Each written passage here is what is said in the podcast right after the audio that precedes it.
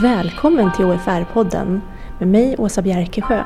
Idag ska vi prata om digitalisering av arbetslivet tillsammans med Niklas Scheralmi, direktör vid Arbetets museum och Anneli Hagberg, enhetschef och strateg på Vision. Hej Anneli och Niklas! Hej! Hej! Vi kan börja med en fråga till er båda två. Vad är det mest positiva med den digitalisering som vi nu ser ske i arbetslivet? Anneli? Ja, jag tänker att det har med kvalitet att göra och tillgänglighet. Ur ett medborgarperspektiv så får man ju eh, ganska snabbt kontakt med myndigheter och de tjänsterna vill få utföra. Det mesta av vårt vardagsliv och faktiskt arbetslivet är ju digitaliserat mycket nu och då det är en eh, positiv grej tycker jag. Ur ett medarbetarperspektiv kan det ju också vara så att vi förbättrar den digitala arbetsmiljön för de som finns där. Att man tittar över tekniken och möjligheterna och att det också i sin tur gör att vi ser över på vilket sätt jobbar vi och vad jobbar vi med. Och du Niklas?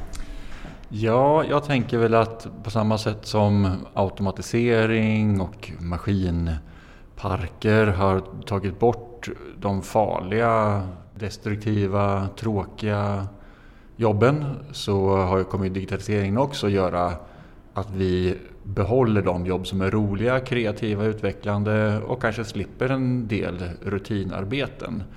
Så att när, när man pratar om att digitalisering tar jobb så är min förhoppning att det tar de tråkiga jobben och vi får vara med och utveckla de roliga. Och Anneli, jag tänkte höra lite, är det många av Visions medlemmar som hör av sig med frågor kring digitalisering och hur deras arbete kommer påverkas av det här?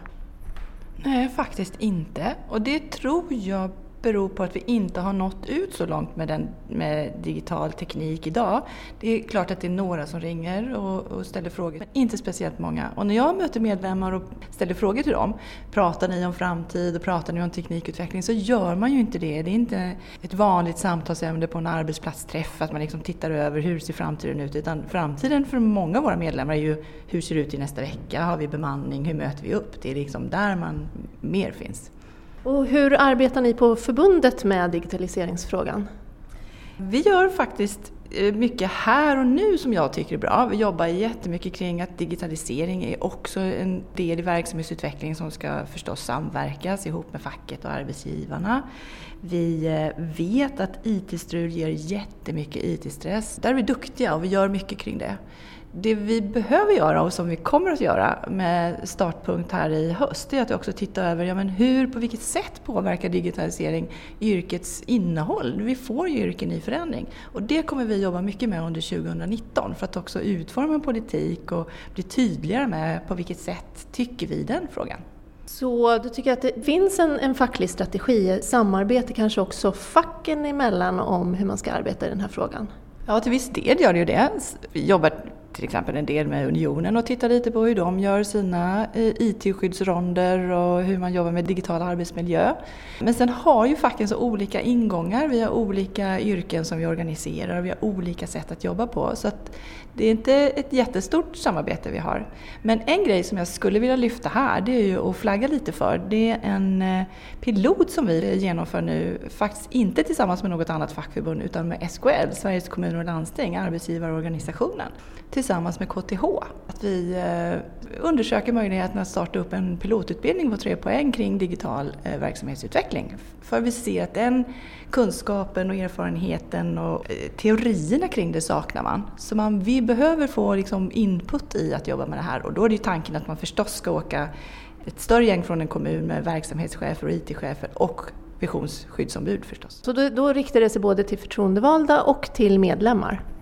Ja, till förtroendevalda skyddsombud och till arbetsgivarna. Eh, så att vi eh, snickrar lite på vad är det, vilket innehåll och eh, kommer finnas med i det erbjudandet för den här piloten som vi sen tänker ska bli större. Men just nu så är det Vision som finns med i det samarbetet. Mm. Jättespännande!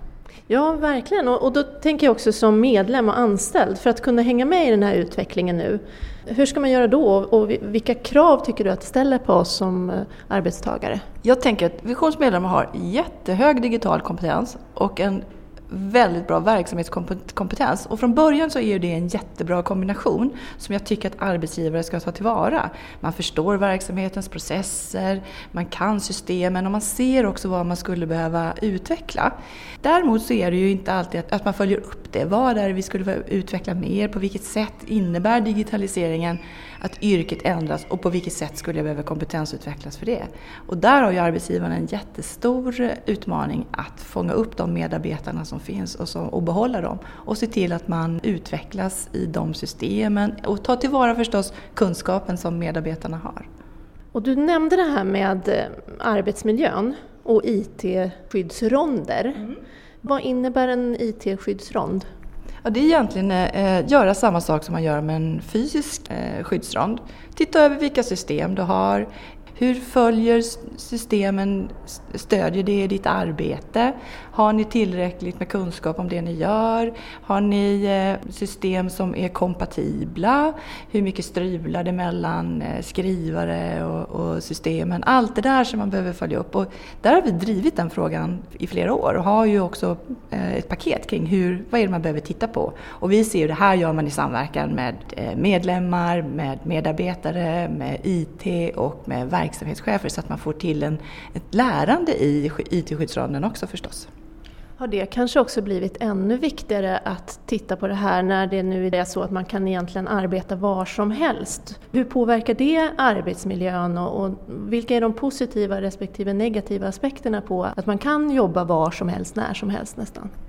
Ja, till att börja med så vill jag säga att vi, alltså Vision är positiv till att människor får möjlighet att jobba där man vill och där man eh, tycker sig ha möjlighet att göra det. Och vi ser ju också att distansarbetet har ökat ganska dramatiskt från att ligga runt en 10% 2016 till upp nu över 25 eh, Vår tidning, tidningen Vision, gjorde en undersökning nu i vår här. Och där är det ju, av våra medlemmar så är det 67% som säger att de eh, skulle vilja distansarbeta men inte har möjlighet att göra det. Och de som gör det så är det ju ungefär 10 procent som gör det regelbundet och 30 procent som gör det ganska sporadiskt. Eh, och de vanligaste orsakerna till att man inte då kan jobba var som helst det är ju att ja, mina arbetsuppgifter fungerar inte med att vara någon annanstans. Det är tekniska möjligheter som saknas och ibland att chefen inte tillåter det. Att man har en kultur som säger att ett riktigt jobb det gör man på kontoret och det är liksom djupt rotade normer kring hur vi ser på arbete. Men vi tycker ändå, kan man eh, jobba någon annanstans så absolut, gör det. Men det finns ju förstås några saker som man behöver fundera kring. Man behöver ha diskuterat med sin arbetsgivare kring sjukdomar, olyckor, vad händer då? Vad är det man ska göra? Vilken tillgänglighet är det? För det här kan ju skapa, precis som jag tänker undertexten i din fråga, det här gränslösa arbetslivet. När är jag hemma och ledig, när är jag på jobbet? Att man är lite noga med på vilket sätt man hanterar tillgängligheten. Då. Men det är också så att det är fortfarande arbetsgivaren som har arbetsmiljöansvaret oavsett var jag sitter någonstans. Då. Sen vill jag också flagga för ett, ett jättespännande projekt som Malmö stad har gjort.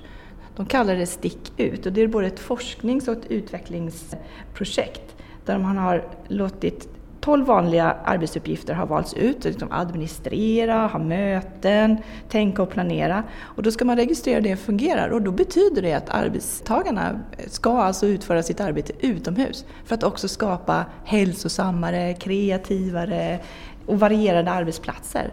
Och att de tänker att den här forskningen också ska bli synlig sen i policy och rutiner kring för hur kan man utföra olika arbetsuppgifter i Malmö. Jag tycker det är jättespännande.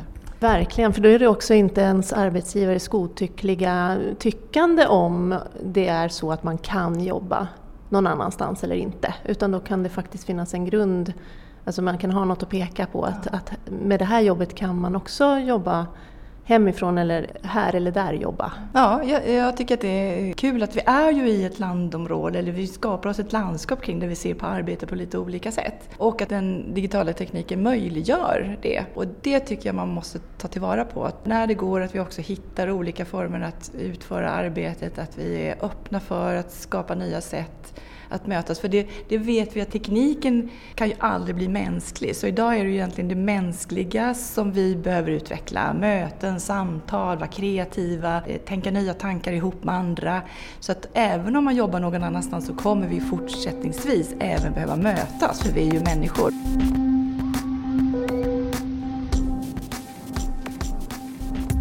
Niklas, ni arbetar ju med ett projekt om vilka samtalsunderlag som vi behöver som medarbetare och medborgare för att kunna vara med och forma framtidens robotiserade och digitaliserade arbetsliv. Och det här kommer ju att resultera i en utställning som öppnar 2020, stämmer det? Ja, absolut. Och jag tänker att jag knyter an till det som Anneli säger om att på, på arbetsplatsträffarna så handlar framtiden om nästa vecka eller om nästa månad. Men det är sällan det förs samtal om hur vi kommer att digitalisera vår arbetsplats om två år eller om fyra år. Och just robotisering och digitalisering tycker vi är en sån komplex fråga. Vi brukar säga att det är vår generations största förändring i arbetsliv och vardagsliv. Det som kännetecknar den är att den är så extremt diffus. När man pratar om robotisering och digitalisering så vet vi liksom inte riktigt vad det är vi pratar om. Och jag som enskild person kan ju liksom på tisdagen tycka si om digitalisering och sen så händer någonting och så på torsdagen tycker jag så istället. Och då, då skulle vi vilja komma med någon form av samtalsunderlag som gör att man på arbetsplatsen inte pratar om framtiden imorgon utan framtiden om ett antal år där vi på arbetsplatsen har fått med och bestämma hur vår digitaliserade framtid ska se ut. Så den utställningen försöker vi nu skapa, det här kvalificerade samtalsunderlaget som öppnar upp för bra diskussioner på arbetsplatserna. Kan du berätta lite hur ni arbetar med själva projektet? Ja, absolut. Vi är sällan experter på de områden vi bevakar. Så vi behöver alltid kloka personer som hjälper oss. Just nu har vi drivit en seminarieserie tillsammans med Tekniska museet och Institutet för framtidsstudier där också Volvo Cars och eh, Google, KTH, Linköpings universitet, Teknikcollege, Kommunal, IF Metall och Unionen har varit med och lånat ut medlemmar. Så har vi i den här konstellationen pratat om vilka frågor kommer dyka upp och hur behöver vi jobba. Nu är vi färdiga med seminarieserien och har presenterat en idéskrift och med den idéskriften kommer vi gå vidare och bygga en projektgrupp som består av liknande förmågor då, då universitet, företag, fack, ungdomar, arbetstagare. Så kommer vi att skriva ett manus tillsammans. Eh, för vi gör mycket bättre utställningar om vi jobbar tillsammans med målgruppen och inte bara för den. Det låter ju som ni har väldigt många olika infallsvinklar och, och, finns det saker som ni redan har sett och lite förvånats över? Ja men igen så är det den här känslan av att, att det här är så diffust och olika människor knyter så himla olika förhoppningar till vad det här ska innebära och känner sig också hotade på så olika sätt av det. Och om man tittar i vad som dyker upp i media så är det liksom att på måndagen så kommer 50 procent av alla jobb försvinna och på fredagen så, så, är det snarare så att vi står inför sådana enorma utmaningar på arbetsmarknaden så vi har inte en chans att lösa bemanning. Så att, att få en, en, en, balans i det här och att börja, börja prata om frågorna på ett mer liksom underbyggt sätt. Och då tror jag återigen att vi behöver de här exemplen, vi behöver komma med, med statements och då behöver vi den här stora gruppen. Företag, universitet, arbetstagare och gemensamt kan vi komma med någon form av samtalsunderlag som då våra besökare, barnfamiljer, kompisgrupper, arbetsplatser liksom kan relatera till. Så meningen är, om jag uppfattar det rätt, att man ska få en tankeväckare som gör att samtal skapas av det här. Det är inte så att det kommer med något svar, utan det är mer att skapa en, en dialog hos de som tittar på utställningen. Absolut. Vi har en fin slogan som säger att vi kommer inte med enkla svar, vi ställer svåra frågor. och det är ju precis vad den här frågan behöver. Men återigen då, just nu så är den så diffus och vi knyter så himla olika förhoppningar till den. Själv är jag liksom livrädd för att, att vi kommer leva i en värld där vi inte behöver jobba. Är det ett paradis eller ett helvete? Eh, medborgarlön, är det liksom ett paradis eller ett helvete och så vidare. Just att ringa in frågorna och få garntrådar att börja, börja dra i, det tror jag att vi kan, vi kan leverera.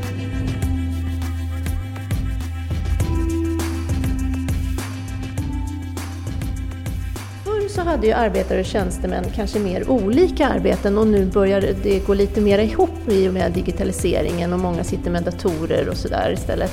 Hur kan det komma att påverka den fackliga sfären, tror ni? Om vi börjar med dig, Anneli. Eh, jag tänker att det inte egentligen påverkar facklig sfär på ett slags negativt sätt. Det här är ju en organisationspolitik som vi i facket gör upp om. Vem gör avtal och på, hur, på vilket sätt ska vi organisera eh, medlemmar? Jag tänker ju att det viktigaste är ur ett medlemsperspektiv. Det är ju att man är ett fackförbund så att man får möjlighet att påverka och vara med att eh, påverka och kunna bidra till att utveckla villkor och förutsättningar för mitt arbete. Eh, men det som är intressant är ju att vi får någon, för vad, vad är en industriarbetare idag? Eh, är man nere i gruvan eller sitter man ovanför med eh, digitaliserade apparater och, och så? Så det är ju också, på vilket sätt är, ska vi ha synen på vad olika arbeten är och kan vi liksom göra de här klassificeringarna? Och, så som vi har gjort och delat in? Jag vet inte. Det handlar ju om, då pratar vi om lång sikt, tänker jag, 50 år eller så. Vad händer med fackföreningsrörelsen i, i den skedet? Jag törs nog inte liksom sia så mycket. Jag vet inte. Vad säger du Niklas? Ja, jag är ju inte anställd på något fackförbund så jag, då behöver jag ju inte stå till svars på samma sätt riktigt. Nej, men det är ju som, som ni säger att det här är ju, gränsen håller på att suddas ut. Eh, särskilt då i industrin. Eh, där det är jättesvårt att avgöra vilka arbetsuppgifter tillhör en, det som vi kallar för blue color work ja. och, white color work. Då liksom. Eh, med digitalisering så är det inte så intressant längre. Och nog så avancerade uppgifter ligger ju liksom på, på arbetarsidan. Och i det perspektivet så kan man ju fundera på huruvida LO och TCO-uppdelningen är, är relevant. Och om det är 50 år, eller om det är 5 år eller om det är 10 år. Det, men det, det är ju en spännande fråga. Jag tänkte också på det här med appar som till exempel Taskrunner där man lägger upp ett uppdrag och så vill man ha det genomfört. Och så svarar den som kan genomföra uppdraget och så kommer man överens om lite ersättning. Hur kommer det här tror ni att påverka arbetsgivare arbetstagare-rollerna? Vad tror du Niklas om, om den utvecklingen? Ja, eh, det vi ser mest är ju matleveranser på stan med människor som cyklar runt med de här jättestora ryggsäckarna. Då är det ju ett företag som berättar att man vill ha en pizza utkörd någonstans och så är det en arbetstagare som kopplar på sig och tar på sig det här uppdraget. Och det påminner liksom om om vi backar innan facklig organisationsgrad och går tillbaka till hamn, hamnarbetet där man liksom går ner till hamnen på morgonen och så ser man om det finns några jobb eller inte. Finns det inga jobb så får man gå hem igen. Så småningom så organiserar man sig och sen så har man en starkare position. Det finns väl eh, absolut möjlighet att tänka sig att, att om arbetsgivaren kan använda digitaliseringen för att enklare nå ut till arbetstagare så kan också arbetstagare använda digitaliseringen för att enklare organisera sig och skapa bättre villkor för exempelvis matleveranser på stan. Då, då. Vad säger du Anneli ur ett fackligt perspektiv? Jag tänker att vi med digitalisering och appar och så, så får vi ju nya eh, perspektiv på saker och ting. Det uppstår fenomen som vi inte har sett förut. Jag tänker att Uber är ett sådant företag som är världens största taxiföretag men äger inte en taxi. Facebook är väl det största medieföretaget men skriver inget. Så att vi är ju i ett landskap och rör oss i nya skeenden som vi inte riktigt kan överblicka. Och jag tänker att den typen av tjänster kräver ganska mycket av både den som ger uppdrag uppdraget och den som tar emot det.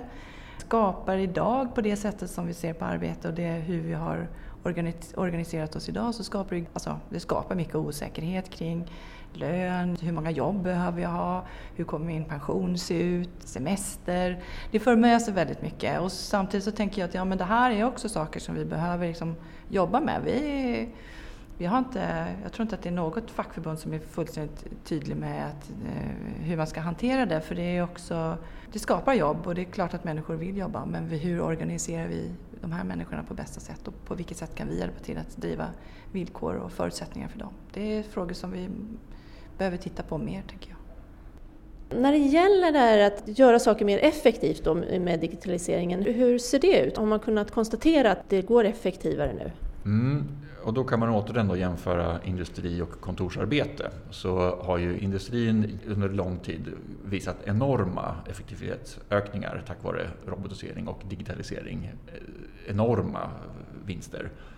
Som jag ser det och de siffror jag sett så är vi som jobbar på kontor har inte haft samma nytta än så länge av digitaliseringen. Många menar nästan tvärtom att med intrånget av vardagslivet i arbetet. När Facebook dyker upp på datorn, när jag kan boka resan eh, på jobbet, så har det lika mycket ätit upp de, de effektivitetsvinster som man har sett. Så att än så länge har det ju inte riktigt på samma sätt som industrin påverkat kontorsarbetet. Och Anneli, har ni diskuterat någonting om effektiviseringen? Ja, jag tror att Niklas har rätt i att när det gäller kring administration och att man, hur man är digital på sitt arbete så har vi nog inte sett effekterna. Men det finns i den typen av medborgartjänster där man kräver snabba beslut eller en viss beräkning. Jag tänker på det som händer inom försörjningsstöd i flera kommuner i Sverige.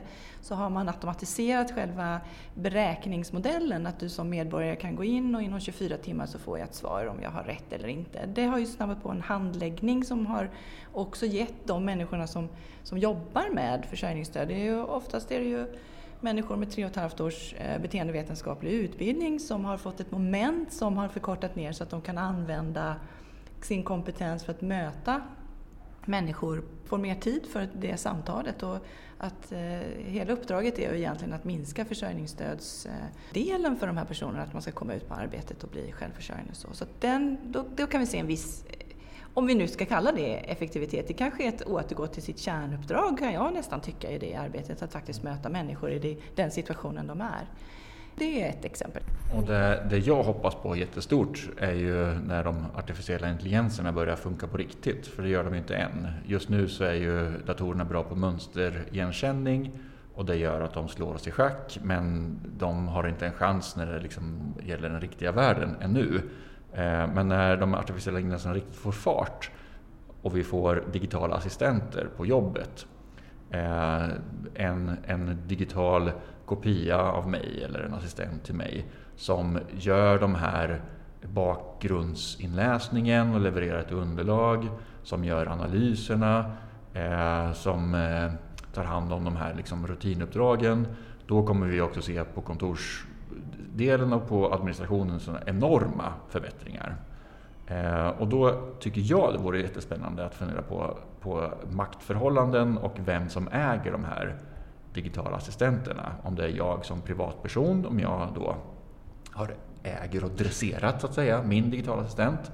Eller om det är min arbetsgivare som tillhandahåller en sån här digital assistent. Om det är fackföreningsrörelsen kanske som levererar. Eller om det är Google eller Facebook.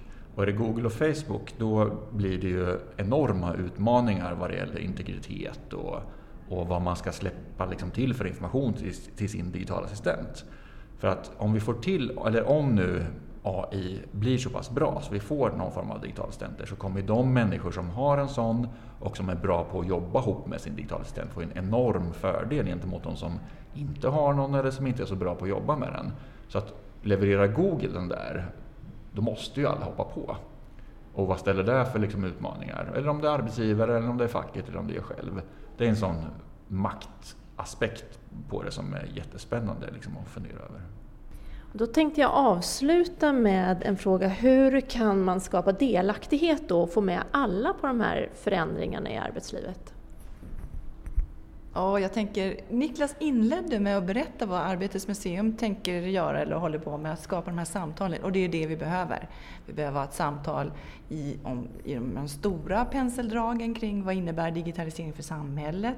Vi behöver få till samtalet, vad innebär det för mig hemma? Vi behöver få tillgång samtal kring vad innebär det för mitt yrke och mig på jobbet? Eh, så egentligen handlar det om att prata och börja framtidsspana faktiskt där du står och går redan nu idag. Det tycker jag är liksom det bästa tipset. Och prata med både vänner, kompisar, kollegor. Vad står vi inför och hur vill vi att det ska vara? Och Niklas? Ja, igen då. Inkludera, inkludera, inkludera. Eh, ska man skapa förändring så måste det vara bottom-up. Vi måste liksom få med och påverka, annars slår vi bakut och vill inte. Och den här frågan är så himla känslig. Det, Eh, Eh, så vi måste verkligen se till att få ett, ett brett samtal där arbetsplatser inkluderas, där liksom familjer, kompisgäng. Eh, och då, återigen då, då så är, det, är frågan så, så diffus så vi, vi behöver någon form av samtalsunderlag. Och det är det som jag ser att Arbetets museum levererar här. här. Och sen så kommer vi också med Tekniska museet bygga en vandringsutställning som går runt i Sverige Eh, och då är vi framme i 2020, 2021 någonting för det tar alltid väldigt långt, lång tid tyvärr innan de här eh, stora processerna har, har liksom fått verka. Men ja, inkludera och skapa samtal. Eh, annars kan det här eh, ja, bli väldigt mycket svårare att genomföra. Då håller vi dialogen levande och sen så tittar vi på utställning 2020. Tack så jättemycket hörni för att ni var med.